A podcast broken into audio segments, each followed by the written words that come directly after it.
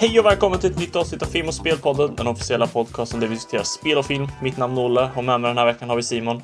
Hallå, hallå! Ja, det var nog en ganska normal hälsning för en gångs skull får jag säga. Uh, Den här veckan har vi hu som huvudämne de snyggaste filmerna uh, vi någonsin sett. Uh, därefter kommer vi även gå igenom de filmerna vi har sett den senaste veckan, vilket den här veckan är filmen Chef och filmen The Murder on the Orient Express. Uh, och innan det kommer vi även gå igenom lite nyheter som hände senaste veckan. Men först, hur har din vecka varit Simon? Jo, det har varit eh, en eh, väldigt bra, väldigt bra vecka faktiskt. Ja, du har ju länge pratat om ett Valve-index. yes, och eh, jag trodde att eh, det inte skulle hinna komma förrän någon gång i slutet på nästa vecka. Men så hann det komma nu innan helgen, så nu, nu, nu jävlar. Har det Nu. varit så life-changing som du har målat upp det till att bli? Alltså jag, jag är inte samma person nu som jag var för två dagar sedan. Från och med Alltså, nu så kommer du liksom, ditt liv kommer gå dela upp i två perioder. Innan du fick ditt Valve-index och efter du fick ditt Valve-index. Ja, det är så när man... man eh, Precis som att vi här, räknar, vi räknar ju tid från när Jesus föddes liksom. Och du kommer Exakt, börja räkna från B- du fick BC och AD och det kommer, ja. BVI, before Valve-index. Och... ja, exakt så. Nej men, ja, det har varit jävligt, jävligt coolt. Jag har ju, it's been a long time coming. Jag har gått och tänkt på det i flera år. ja, Sen när de släppte Oculus Rift, då, ah, fan ska jag köpa det? Och sen eh, lite dyrt och sen släppte de nästa Oculus S. Och jag bara, ah men fan det är bra. Och varit så budat på skit på Tradera typ och blivit överbudad. Och nu bara, nej, nu, nu jävlar, nu går vi all out här. När de annonserar Half-Life, jag bara, det, that, that's it. Ingen tvivel längre, nu, nu är det dags. Så ja, får se om det blir nästa avsnitt eller om, om några avsnitt så får jag ett VR-avsnitt där jag bara spill the beans på allt. Vilken teaser. Mm, stay tuned! Tune in Eh. next week. Eh, Exakt. Men hur, har, hur har din vecka varit då? Det har också varit bra. Jag har också gjort en uh, smärre investering i ny hårdvara. Jag köpte ju en eh, blender förut i veckan så jag kan börja göra lite proteinsmoothies. Wow. Eh, hittills är jag oerhört nöjd. Eh, ja, jag gjorde en igår och typ direkt efter jag bara "Ah, jag vill göra en till. Det var fett gott alltså. Mm. Så uh, jag, kanske inte riktigt lika banbrytande och life-changing som ditt, men eh, väldigt nice ändå. Eh, Mm. sen har jag nu, jag tror vi har nämnt det i någon tidigare avsnitt, att jag har ju haft som projekt de senaste månaderna att ta mig igenom Witcher 3. Och jag eh, börjar nu närma mig slutskedet i det här spelet, så också en liten teaser att det kan nog komma en recension av det i något framtida avsnitt snart. Mm. Så Spännande. eh, mycket på horisonten här. Det, det har också varit en long time coming. Eh, ja, verkligen. Um, jag, är ju, jag är nog inte först i världen med att bli klar med det här spelet. Nej. Men uh, nice, så har vi båda haft bra veckor helt enkelt. Fyllda Mm. med smoothies och VR.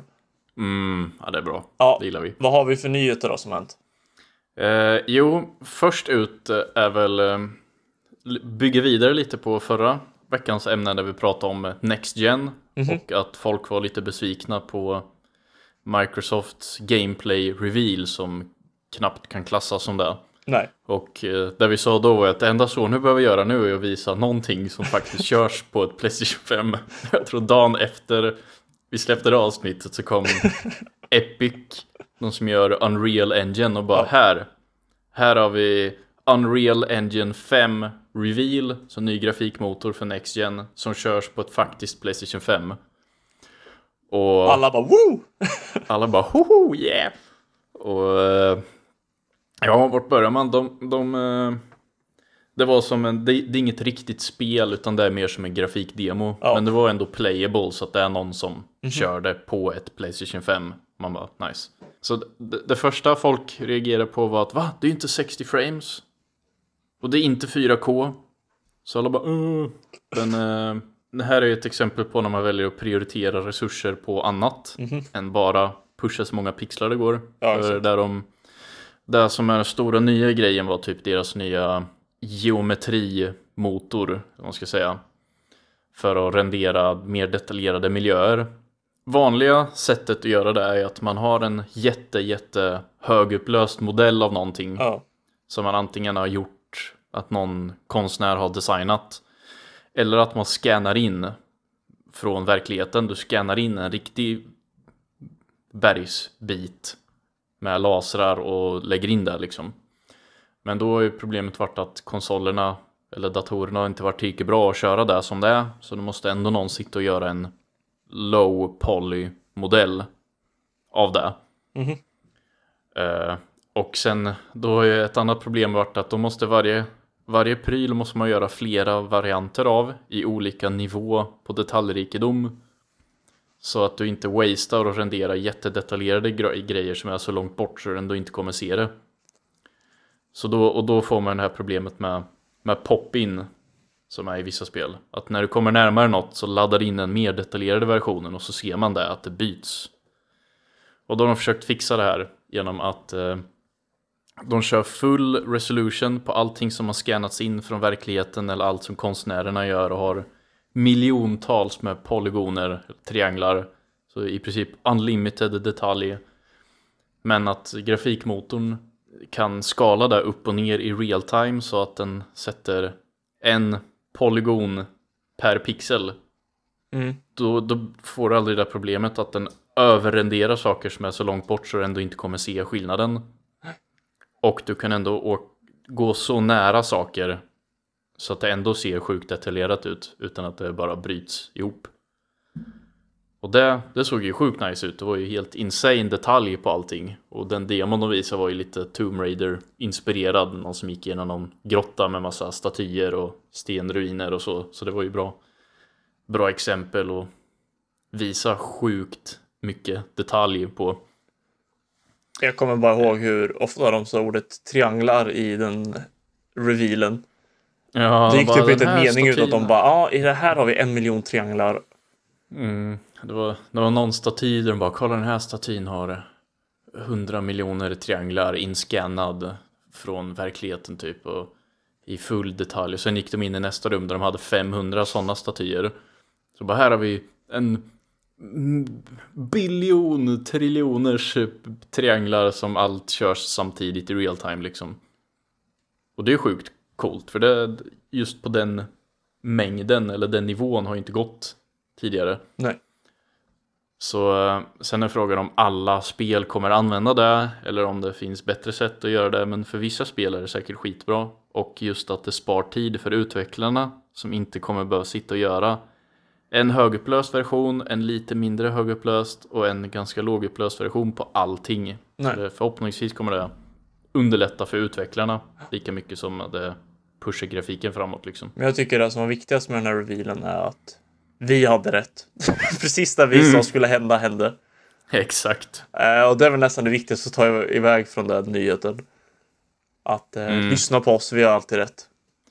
Eh, om vi går vidare så annan nyhet att eh, Nintendo annonserar ett nytt Paper Mario. Ja, Paper Mario The Origami King. wow. Som tydligen kommer vara ute redan eh, i juni, 17 juni. När var senaste Paper Mario kom ut? För jag tror det.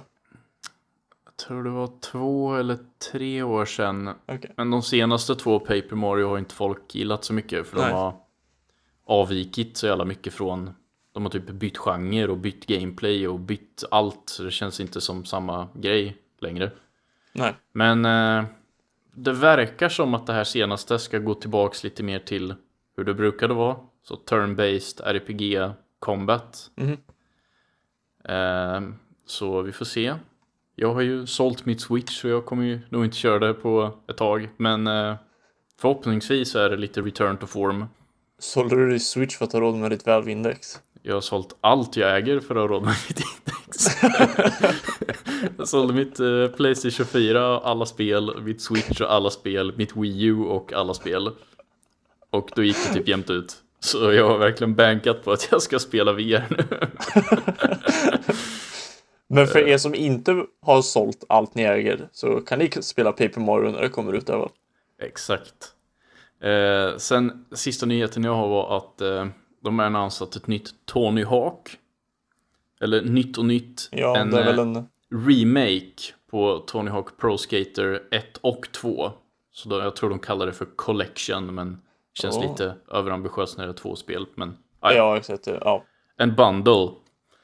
Eh, och Pro Skater 1 och 2 är väl de högst rankade av Tony Hawk-spelen. Så det känns väl logiskt att de gör remakes på dem. Och det är väl det de, de flesta körde när de var små och växte upp med. Liksom. Så det är säkert nostalgiskt Ja. för många. För de har ju failat lite med att göra nya. De försökte ju släppa Tony Hawk Pro Skater 5 för några år sedan. Mhm. Och gå tillbaks lite till gamla stilen och alla hatade för att det var så trasigt och såg så fult ut och hade så lite content. Eh, så vi får se om de lyckas bättre nu med den här remaken. Men eh, grafiken såg väl okej ut och det verkar ju som att de har liksom tagit the best of ettan och tvåan och alla banor och så som folk gillar. Och de har split screen co-op. Det är så underskattat. Jag bara tack. Jag kommer Tack. inte ihåg ifall det var Tony Hawk Pro Skate. Har originalen split screen? Ja, jag tror det. För jag vet att det var något. Jag kommer inte ihåg vilket skatespel det var, men, eller nå, vilket skateboardspel det var, men det var något man kunde bygga egna banor och så kunde man vara två personer och åka runt på. Mm. Och det var typ det- roligaste som fanns när jag var yngre. Mm. Jag, jag vet inte ifall det var något av de två, men Jag kommer, jag kommer inte ihåg om det om de sa något att det var level editor, men det är, det är inte omöjligt att det nej. är det. Det, Men så det, det, det är kul. Jag, jag kommer inte ihåg riktigt när det skulle komma ut, men det var väl någon gång nu. jag tror det var september, Mm, såg jag något om. ja. Någon gång framöver i alla fall. Så eh, ja, men det var det, de nyheterna jag hade i alla fall. Om inte det Mm. var något att tillägga. Nej, jag... För min del, Blendern, det är allt som har hänt. St- Stora grejer det här. Mm. Eh, nej, men då känns det väl som ett ypperligt tillfälle att röra sig in till huvudämnet. Alltså de snyggaste filmerna. Ett ämne som verkligen gör sig för podcast, där man inte kan visa uh, något av filmerna man pratar om. Eh, men ni kan ju bara förhoppningsvis ha sett filmerna eller kolla upp det. Eh, Ja. men det här blir inte riktigt någon rankning från nummer 10 till nummer 1 just för att det är lite svårt att säga om en film är snyggare än en annan ofta. Mm. För Och- filmer kan ju vara snygga av lite olika anledningar är väl där vi har diskuterat nu innan. Ja, precis. Vi har pratat lite om vissa. Vissa jobbar ju mer med, med kompositionen av bilderna, lite mer statiska bilder och vissa har ju mer färgsättning eller kostym, setdesign. Är ju, Mm. eller, Exakt. Ja, det finns så många olika sätt att jobba med det så vi sa att det är bättre att vi, vi diskuterar lite några utvalda highlights som vi tycker är bland de snyggaste. Och kanske tar upp vad som just gör dem snygga eller vad som, det som sticker ut i det här fallet. Mm. Eh, Så om inte du har något speciellt fall kan jag hoppa in direkt med ett exempel på en väldigt snygg film. Mhm. Eh, Det är eh, den eh, Suspiria, originalet från 1977. It- Italienska skräckfilmen. Eh, Den är ju väldigt känd för sin färgsättning. Där liksom om två personer är i ett mörkt sovrum så lyser hela rummet grönt. Ba, egentligen- bara för att liksom. Ja, det, det förklaras ju liksom som att färgen är inte där för karaktärerna, den är där för publiken. Att för dem så är det mörkt, men publiken får se färgerna istället. Ehm, och det är ju speciellt eftersom det är en skräckfilm, fast det är en av de mest färgglada filmerna någonsin, som gör så att det, det gör det väldigt annorlunda på ett bra sätt. Mm. Eh, och det brukar ofta, eller många brukar säga att det är som en, eh, ska man säga, typ hemsökt Disney-film eller något sånt där. Att det är liksom här, väldigt stora typ, slottaktiga sets och så. Och sen massa färger överallt. Fast det handlar om häxor och massa mord och sånt. Eh, så den tycker jag just är snygg för att hur den är ljussatt. Eller ja, ur ett färgperspektiv då antar jag. Det är ju inte alls logiskt. Men jag, jag tycker det, man, man kan sakna det lite ibland i många nya filmer att eh, ljuset man, eller de, de som ljussätter fastnar lite i att allt måste vara motiverat och realistiskt. Då, då känns det som att det, det är klart det går att göra saker sjukt snyggt ändå men det finns ju en viss estetisk, bara kreativ kvalitet som man har tappat lite när man inte bara kan slänga upp en spotlight i taket och låta det vara och så kommer ingen ifrågasätta där liksom. Nej, jag vet, jag tycker att men film är ju ett medium, det ska inte vara verkligheten och men för vissa filmer passar att det ska se verkligt ut, men som, speciellt den här, det ska ju vara typ en förhöjd verklighet.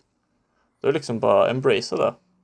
Och Jag kommer ihåg, eh, kommer ihåg när jag såg eh, Borta med vinden, tror jag det var. Mm. Så någon, någon som går med ett stearinljus upp för en trappa. Mhm. så de liksom blästar med en spotlight rakt på och följer med hela vägen upp. Och eh, det, det hade man ju aldrig gjort idag. nej, Men man, när man tittar på det så bara, ah, men jag, jag fattar ju vad tanken är ändå. Att liksom det, det där ska gestalta stearinljuset och så får man bara köpa det liksom. Mhm. Så, mm. men det är ju just de färgerna gör så att det är många det är väl det som gör det som en, till en snygg film, att jag liksom får bilder som stannar kvar i huvudet efteråt. Mm. Där jag liksom kommer ihåg bara, ah, hur om de, de röda färgerna och de gröna färgerna, till skillnad från många bara gråa, platta filmer. Mm. Där man liksom, ja, man, man, det finns inget som sticker ut i huvudet efteråt. Mm. Ja, en, eh, en annan film som är en av de få som vi, vi båda hade på listan är ju eh, Barry Lyndon Mm, ja, som eh, Stanley Kubricks mästerverk från 70-talet. Ja, och den, den tycker jag på ett sätt är ganska platt.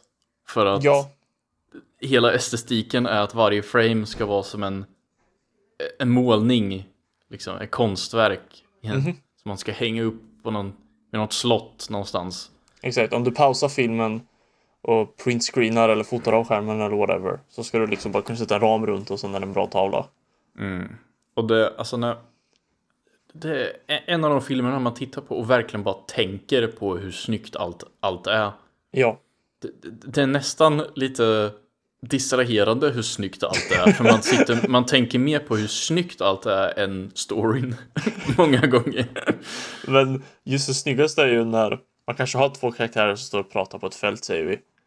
Och det är typ i närbild.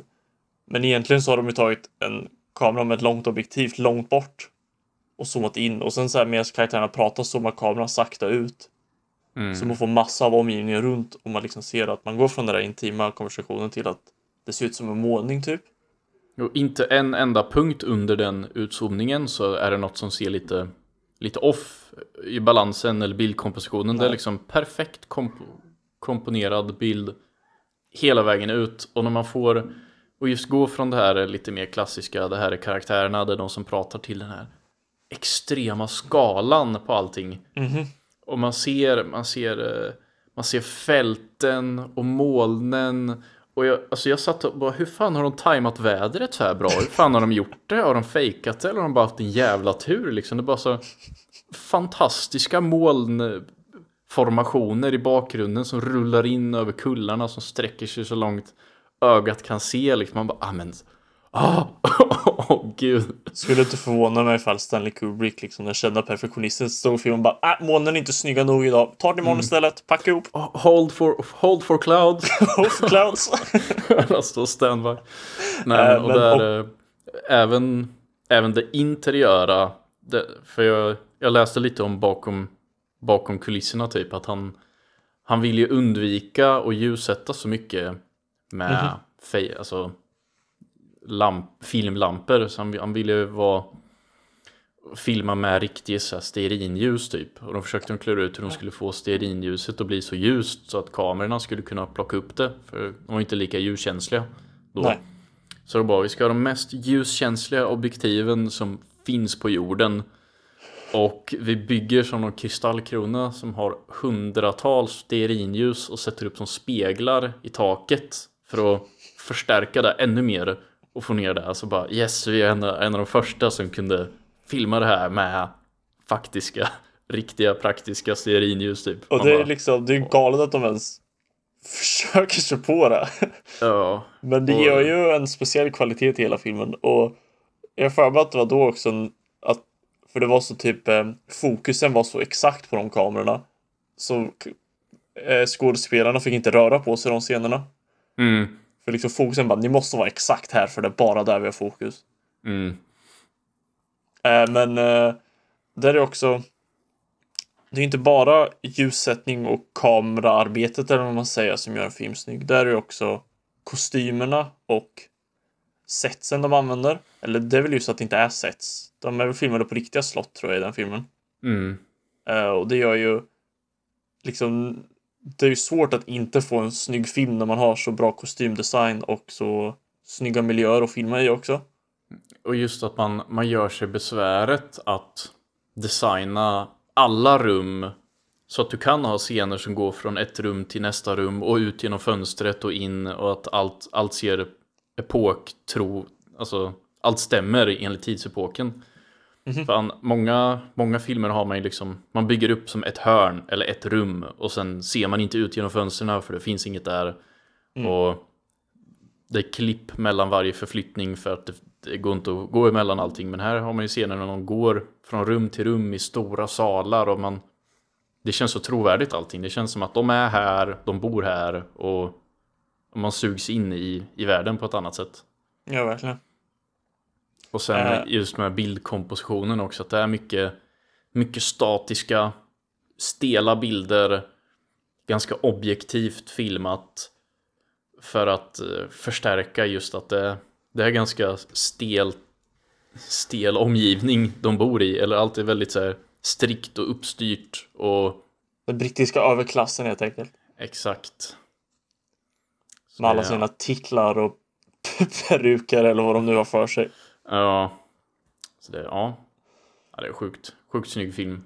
Ja, eh, Stanley Kubrick är ju sagt, som vi sa, en känd perfektionist. Så nästan alla hans filmer är ju helt fantastiskt snygga just för att han bryr sig om varenda liten detalj.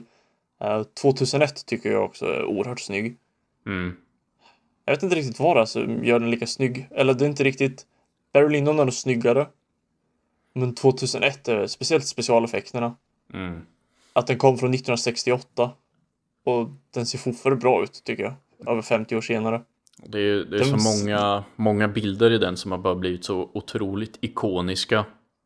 Exakt. Liksom, liksom man har en bok på filmhistoria så är det ofta en, en bild från 2001 på framsidan för att det, det är liksom symbol för vad film kan göra i princip.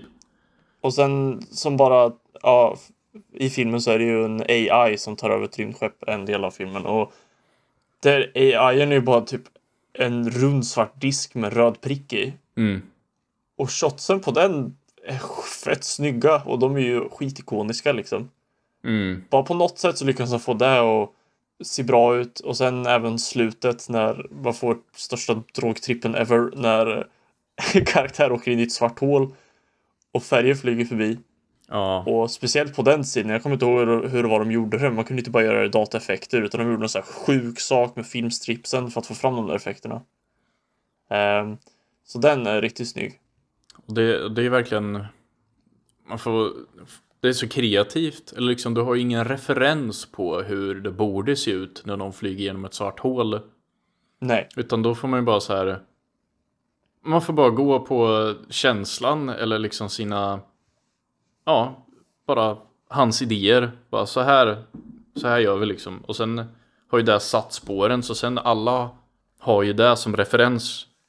Nästa filmer som kommer göra någon space travel, lite mer spacad film. Mm -hmm. Då jag säga, just det, 2001 gjorde det. Vi, vi gör en variant av hur de gjorde, typ. Man kollar Interstellar eller liksom det. Det är ju tungt inspirerat av 2001.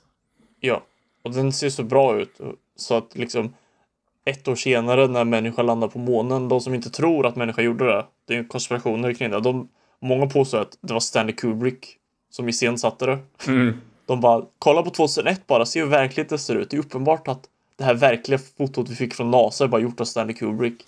Ja, det är cred för liksom, effekterna där. Ja, att effekterna var så bra så att liksom verkligheten kom ikapp effekterna efteråt. Uh, så ja, Stanley Kubrick som sagt, han är ju ett geni.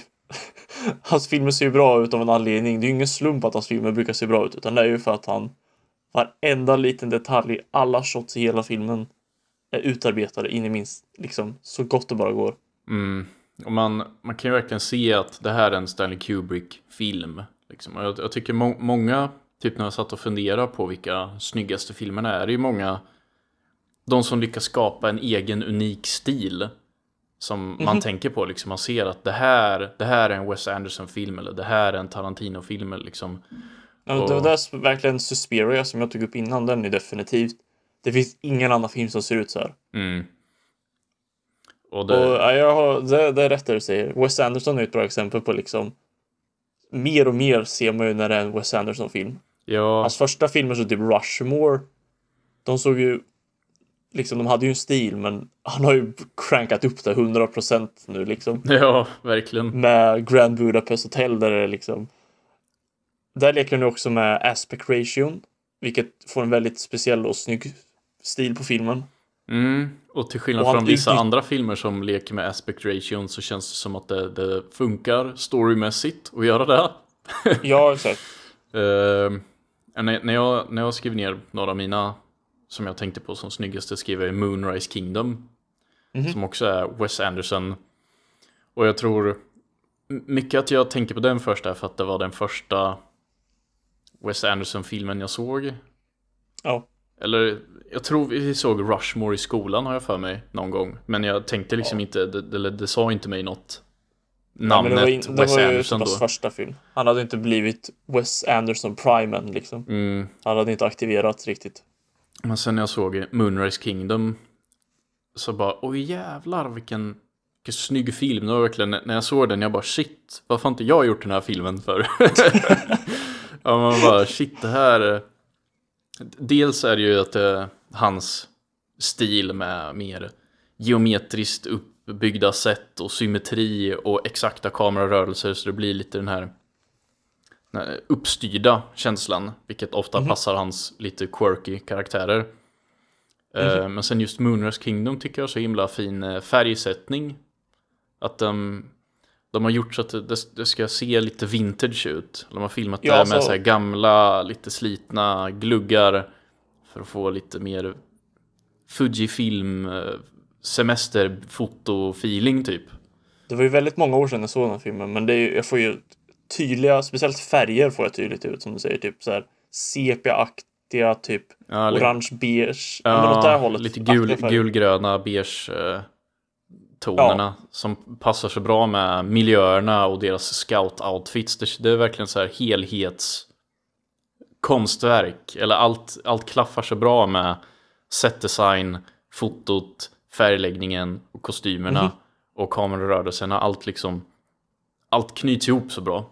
Så det, Men, så, ja, sjukt men som du sa, och det är sant för de vi sa innan också, att det som gör de här filmerna som jag nämnt snygga är just att de är snygga, men att de stilistiska valen de gör passar storyn och vad filmen är för något också. Mm. Att liksom hade du filmat Barry Lyndon på samma sätt som Moonrise Kingdom hade ju inte det varit lika snyggt längre. Mm. För Nej. det är ju den ena är lite quirky och Barry Lyndon är typ den mest seriösa filmen någonsin. Det är liksom ingen har kul i den filmen. Nej. Ingen pratar lustigt, alla är bara arga och miserabla hela filmen typ. Mm.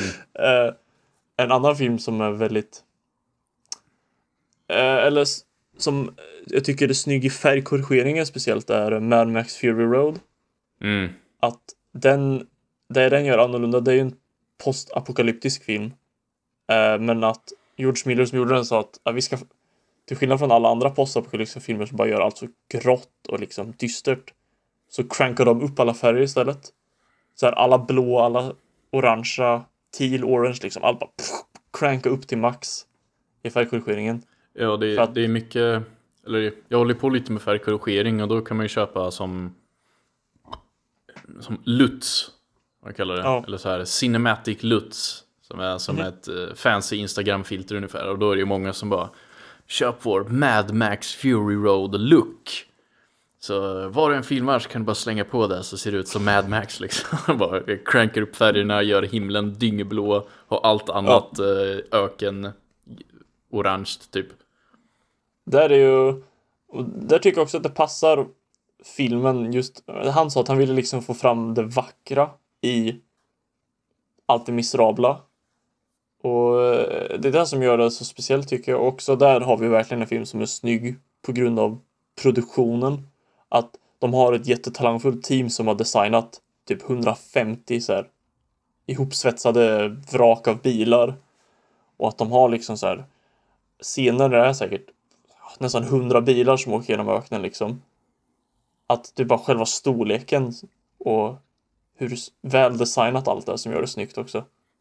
Det var, en sak som jag störde mig på rent visuellt i den filmen dock, det var nattscenerna. Ja, jag tänkte precis säga. Den är ju ett väldigt tydligt exempel på Night for Day. Ja, tydligt, men bara vi filmar det på dagen och överexponerar himlen och sen trycker vi bara på gör allt blått knappen och call it a day och man bara ah Men jag tycker att det är ett av de bättre exemplen på Night for Day. Uh, även om det är ett litet konstigt val.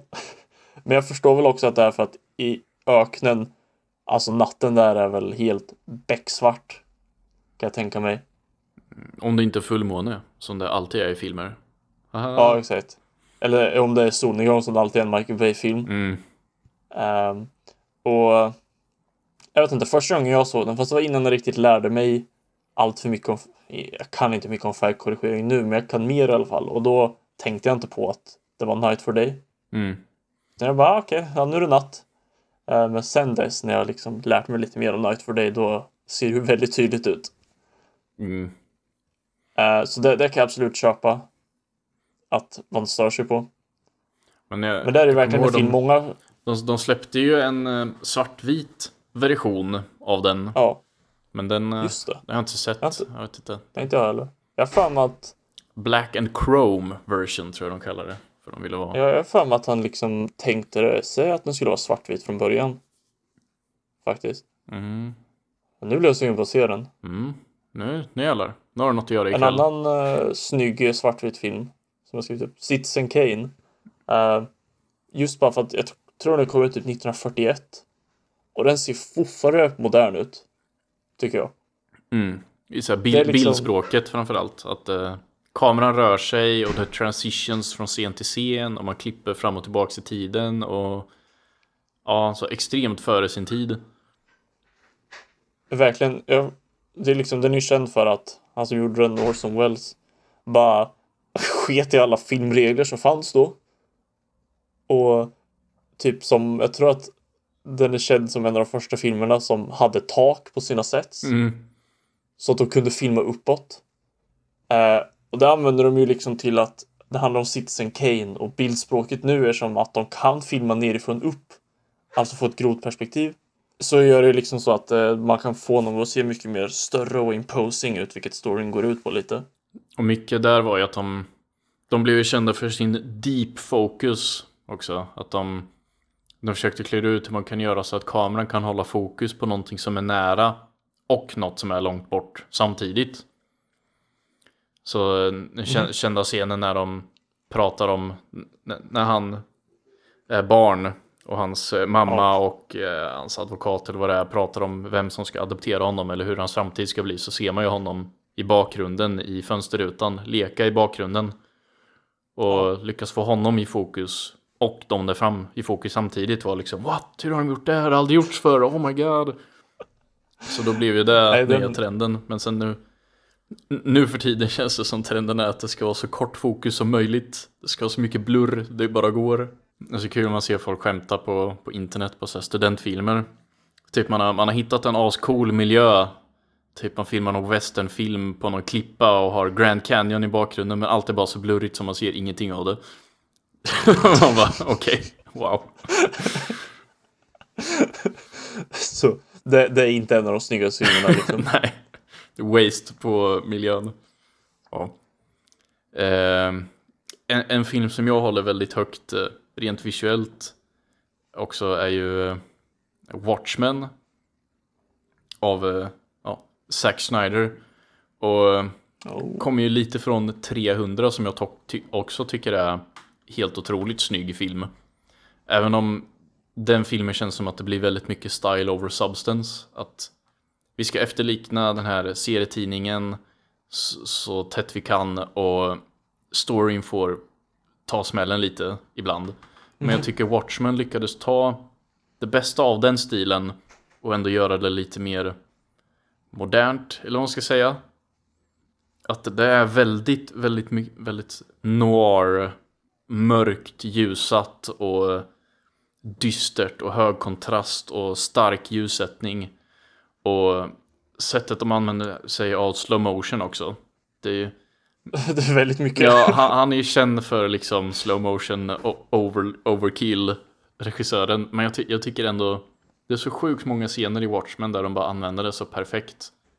Som dels, dels fight-scenen i början när de kör uh, lugn Nat King Cole, Unforgettable i bakgrunden och bara så extremt rå visuell våld. Som är, det är ju klassikern att ha något jättevåldsamt och sen klassisk musik i bakgrunden. Men eh, det funkar ju av en anledning. Ja, exakt. Men eh, jag... När såg jag den? Den kom ju 2009 och såg den strax därefter så jag måste ju ha varit typ så här 15-16. Eh, en ung pojke som höll på att formas i sin filmsmak.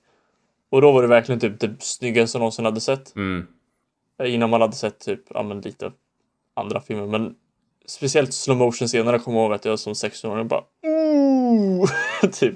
Det är någon scen när Rorschach eh, har någon sån här spray, uh, hårsprayburk eller något och sen tänder en eld framför sig och sprayar ner några SWAT-soldater eller något. mm, Och det, de är i någon trappuppgång och jag kommer ihåg så när jag, när jag såg den första gången jag bara spolade om den scenen om och om igen. Jag bara åh det är så snyggt!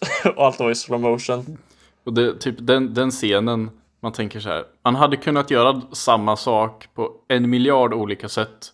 Men det, det hade nog inte sett lika coolt ut som det här. Exakt. Jag, jag håller med. Den är, och sen förtexterna är skitsnygga också. Mm. När man får massa slow motion, ja såklart, bilder på saker. Ja, Det är ju en alternativ verklighet i den filmen och man får se liksom histori- den alternativa historien utspela sig eh, i några nyckel slow motion klipp under förtexterna. Mm. Och det är skitsnyggt gjort. och det, känns som att eh, de har använt så mycket av eh, soundtracket också för att förstärka scenerna. Det, det känns nästan som att filmen, filmen blir typ snyggare av att musiken är så passande hela tiden. Och, Ja, Bob Dylan-låten de har där över förtexterna lyfter det verkligen. Mm, det, det är exempel på hur man ska använda eh, licensed music på rätt sätt till skillnad från typ Suicide Squad som bara Åh, de säger den repliken, det finns ju en låt som har med den Tryck in den låten där i 10 sekunder och sen nästa scen Åh, vi har den låten istället ja. Här, här har vi ju en eh, person som är lite bad guy. Spelar Sympathy for the Devil av Rolling Stones. Mm. ja, Här har vi Harley Quinn. Hon är ju galen. Spelar Super Freak ja. av Rick James. ja nu, nu, nu blir vi lite sidetracked här men eh, i alla fall eh, Wa- Watchmen eh, står I alla fall, eh, Suicide Squad inte en av de snyggaste filmerna som Ja, nej, Inte nej, alls. verkligen inte. Eh, en, en lite mer... eh, det, fin, det finns ju, typ många av dem vi har pratat om nu har ju väldigt så här unik stil och sticker ut väldigt mycket. Men det finns ju många Ja. filmer som har lite mer klassiskt filmfoto, eller vad man ska säga, som ändå är sjukt, sjukt bra. Och Ja, liksom de vi har nämnt nu. Det tänkte jag också när jag satte ihop listan att liksom ingen är ju... Alla är så speciella. Men alla filmer ska ju inte vara så här speciella. Man kan ju vara snygg utan att cranka upp alla färger mm, och allt så. Har du några bra exempel på det alltså? Ja, en, en, en fotograf jag tycker är bra på det är ju Roger Deakins. Som är väl typ känd som en av de bästa filmfotograferna som jobbar nu. Ja, han är väl eh, liksom den första eh, cinematografen man lär sig namnet på brukar vara Roger Deakins. Och eh, ja, just senaste så är han ju så extremt hype efter Blade Runner. Men eh, jag tycker ju dels eh, Skyfall tycker jag ju är en otroligt snygg film. Som har li lite mer klassiskt klassiskt foto men ändå använder sig mycket av färg. Som jag tycker gör så att den sticker ut lite från om man kollar typ ja, de flesta andra James Bond-filmer eller liksom Vad snackar du skit om Bond? Nej, nej okej, vi, det känns lite ämne där. Uh, Skyfall är jättebra så. Det här, jag tar det som en personlig förolämpning. Jag identifierar mig så mycket med den här filmserien så... Mm. Jag, jag försöker, jag försöker se något eh, bra. Skyfall. ja, det, du, du, du måste prata bra Mm. om den utan att prata dåligt om en annan Bondfilm. Nej, men jag håller med. Det är ju lätt den snyggaste Bondfilmen. För om... Och det gör ju så tydligt hur snygg den är att den är ju snyggare än de 22 Bondfilmerna som kom innan. Mm, och och är ju efter. typ- Alltså jag tycker även om man jämför med typ Spectre så har man bara man sugit ut så mycket från det. Typ Spectre, det är ju en Ja. snygg film men det...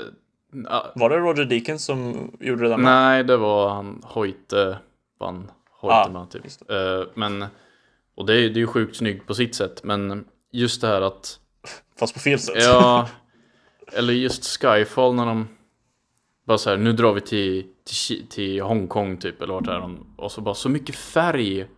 Och så då har vi en hel sekvens där vi har en helt egen färgpalett med så mycket varma röda färger och setdesignen är helt otrolig.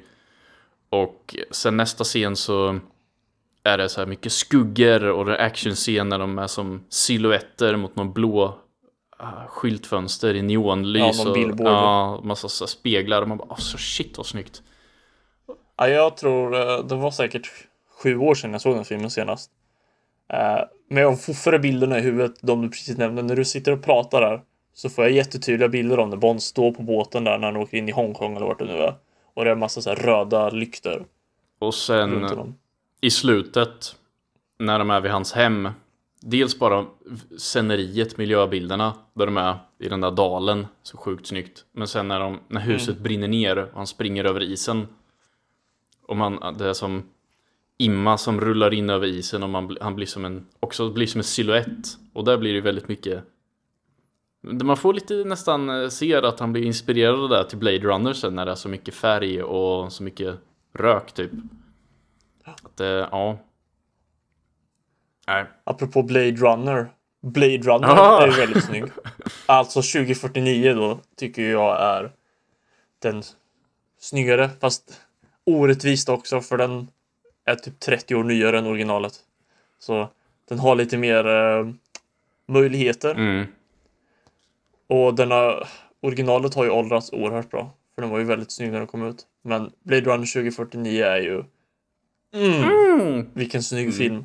Oh ja! Vilken... eh, eh, var så många scener där. En speciellt jag tycker är snygg är när de kraschar i slutet eh, vid typ vattnet. Och de står och slåss eh, i och bakljuset på bilarna som har kraschat eller flygande fordon eller Mm. whatever lyser upp dem och det är så jäkla snyggt. Och det är så och sen eh, en scen som är snygg mest på grund av sina specialeffekter är det är en scen där när Ryan Goslings hologramflickvän Mm. om ni inte sett filmen så är det svårt att förklara men typ mergar med en prostituerad Mm.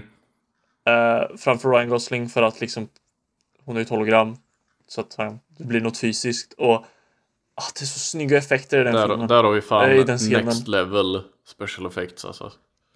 Det var, jag kommer ihåg när jag såg den på bio första gången. Jag så här, vi har pratat om det innan det där momentet när man sitter bakåtlutad men nu, nu händer real shit så jag liksom måste luta mig fram och bara är ni seriösa? Det här ser ju hur bra ut som Mm. helst.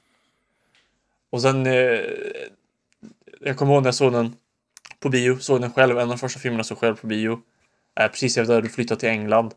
Och sen var det en timmes promenad hem och det var dimmigt ute. Och det var på natten typ. Och jag gick där i en timme och bara tänkte på bara, åh gud vad snygg den här filmen var. Åh gud vad snygg den var. Mm. Eh, Jag, jag skriver ju upp eh, original Blade Runner på min lista. Och jag, men Ja. jag, alltså jag är ju, ja, man pendlar ju lite fram och tillbaks. Båda är ju sjukt snygga filmer. Och jag tror nog om man, om man bara tänker 100% rent visuellt i att typ, om man, om man kollar på screenshots så skulle jag nog också säga att eh, 2049 är snyggare. Men eh, men originalet är mer banbrytande. Att den såg ut som en film som ingen hade sett. Det som gör så jag har skrivit upp ettan istället för tvåan är att i ettan så typ tror jag på det jag ser. Att Ja, det, det vi har pratat om förut att jag, jag tycker allt känns mycket mer verkligt och fysiskt och äkta. ja jag tycker produktionen, om man säger setsen hur bara äckliga de ser ut. Mm. Eller man säger. Det ser så, det ser mycket mer inlevt Och ut. liksom man, man ser att eh, de har använt, eller det, det rök i rummet och röken är inte helt perfekt lagd utan man ser att det rör sig lite i den och man ser att det är lite flares här och det läcker lite där eller det liksom det, det känns mindre som att någon har byggt upp ett extremt Mhm. snyggt sätt och filmat i. Och det känns mer som två personer som är på jobbet. Och har, det råkar vara Det, snyggt. det kan jag absolut liksom. köpa.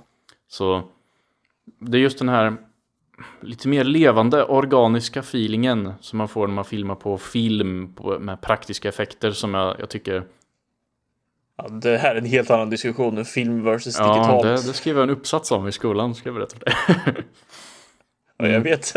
Eh, nej, så jag, jag tycker det, det blir ju lite annan look med nya moderna filmer och jag gillar ju det också.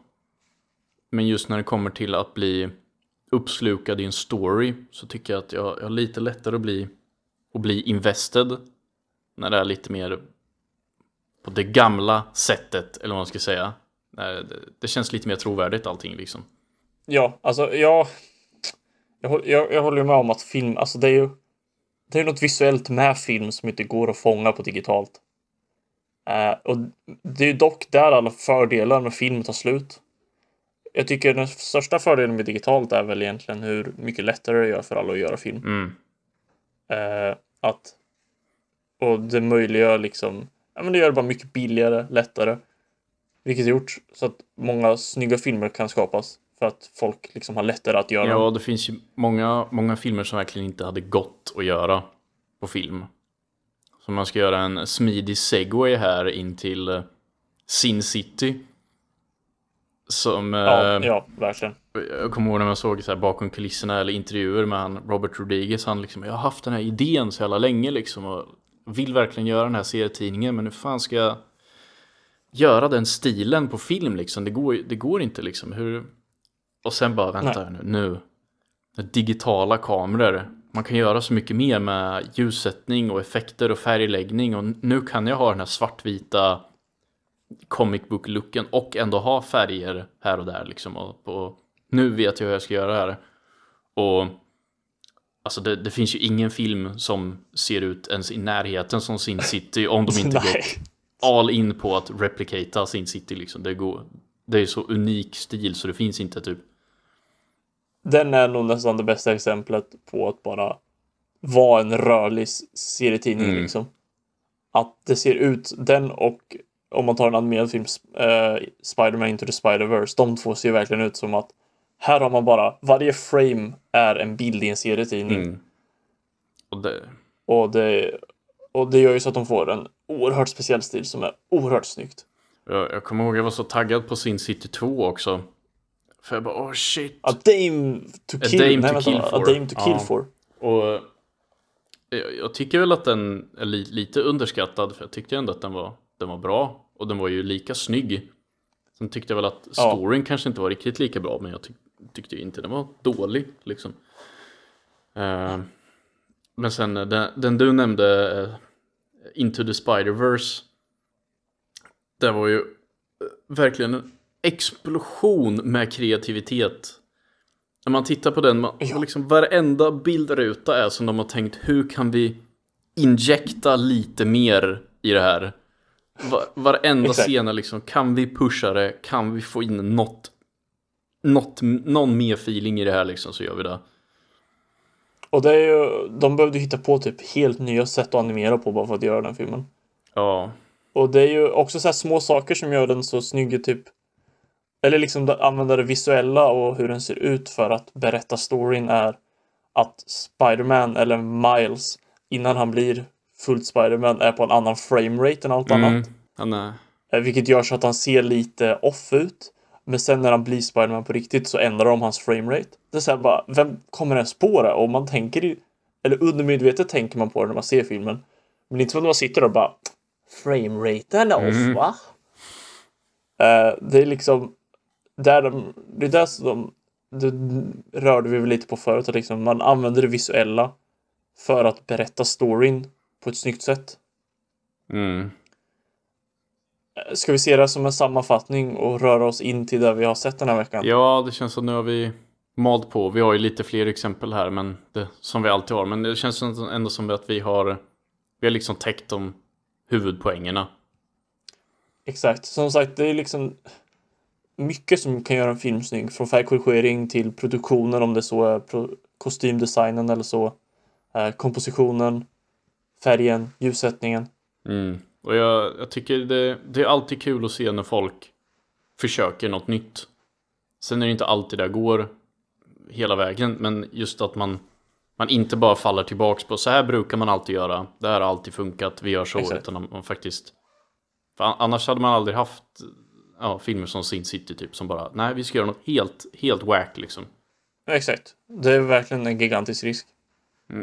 Eh, men ja, det var väl uh, det. Så nu får ni, om ni inte har sett de här filmerna, antar jag bara googla. Mm, kolla lite screenshots, kolla De- trailers och bara, och sitta och bara, ah, wow.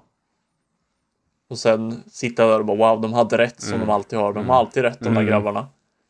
De hade rätt om Xbox och Playstation och de har rätt om Predict det the här. future! oh my god. Eh, Ja, eh, vi går vidare här. Uh, vad hade du jag sett kan ju börja som i vanligt då. veckan? Det- nice, vi båda segwayar samtidigt på Mm. olika sätt. Så in sync. Eh, jag hade sett filmen Chef av eh, John Favreau. Mm. Fa- jag kan inte uttala hans namn. Eh, även känd som han bakom The Lion King från 2019. Djungelboken, Iron Man 1 och 2.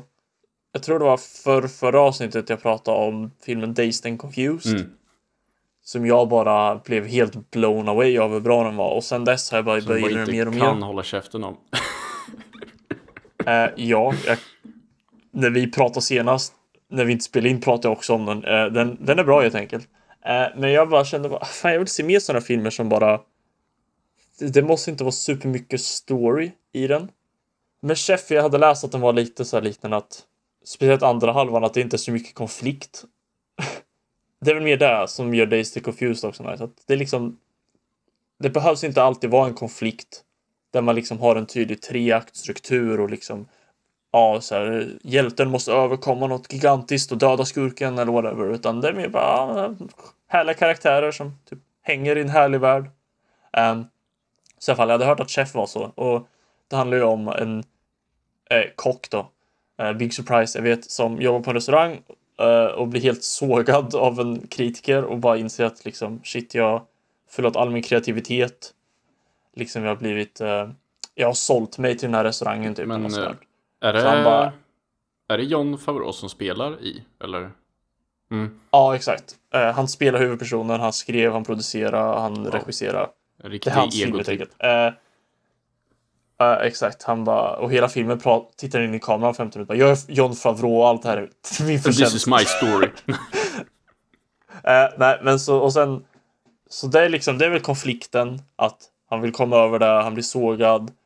Han liksom, det, eh, men så andra halvan av filmen köper han en food truck. Eh, och åker genom hela USA och lagar massa god mat. Och sen är det slut. så andra halvan är typ bara att han bara, ja vad fan nu, nu gör vi det här och det är liksom andra halvan är bara, det är ingen konflikt. Allt bara går asbra för honom. och, ma- och han bara, ah, jag är så lycklig nu när jag kan göra det här.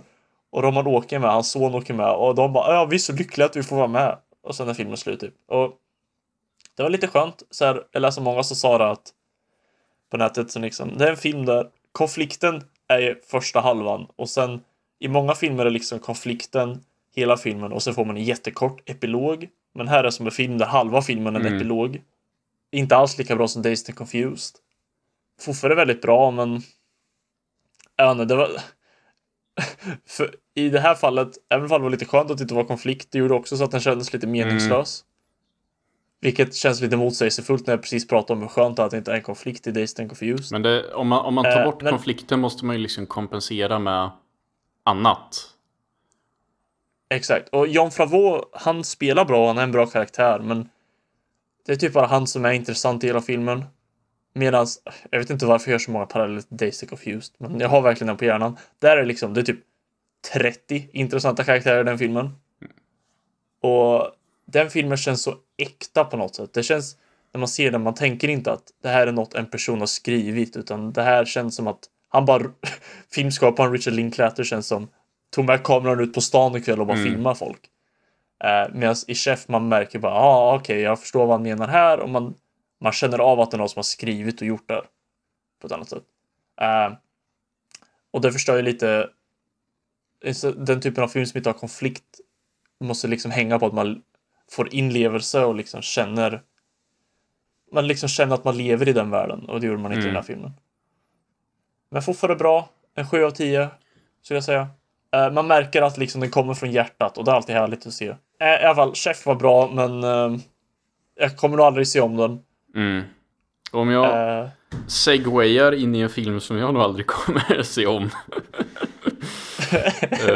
jag såg ju The Murder on the Orient Express. Som är...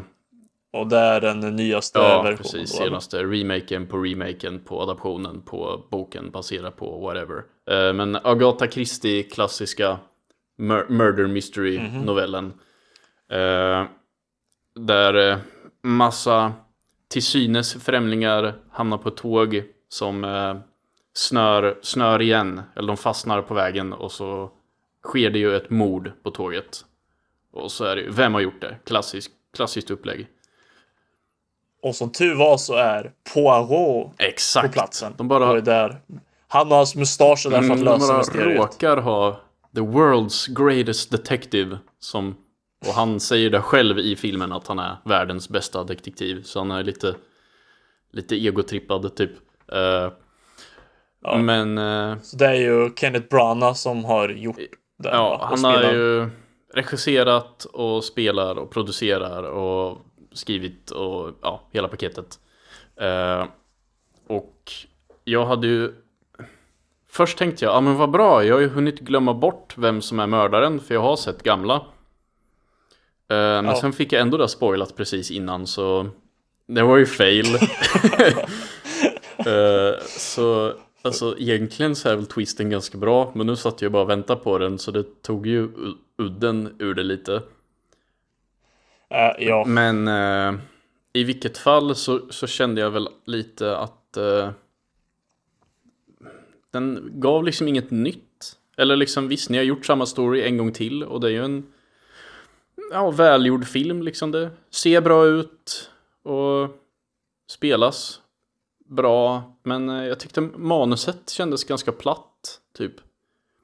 Eller de, de slänger in en scen där på rå sitter och tittar på något foto på någon gammal flamma, typ.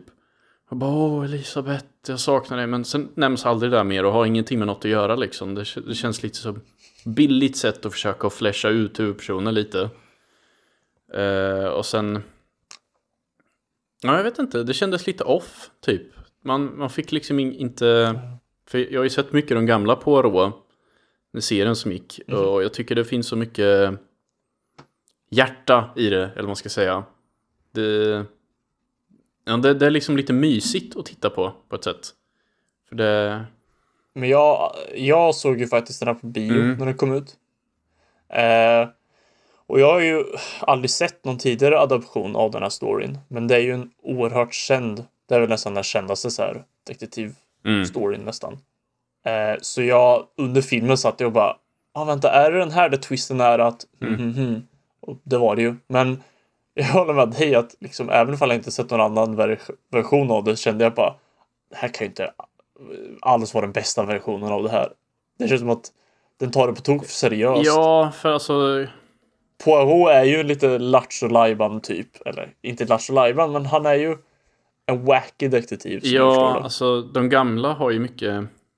Alltså, det, det, det är ju inte komedi eller så, men det är ju lite att han, han är ju lite tongue in liksom. Och han, han, har sin, sin stil i den gamla. Och här kände jag att han hade knappt någon ja.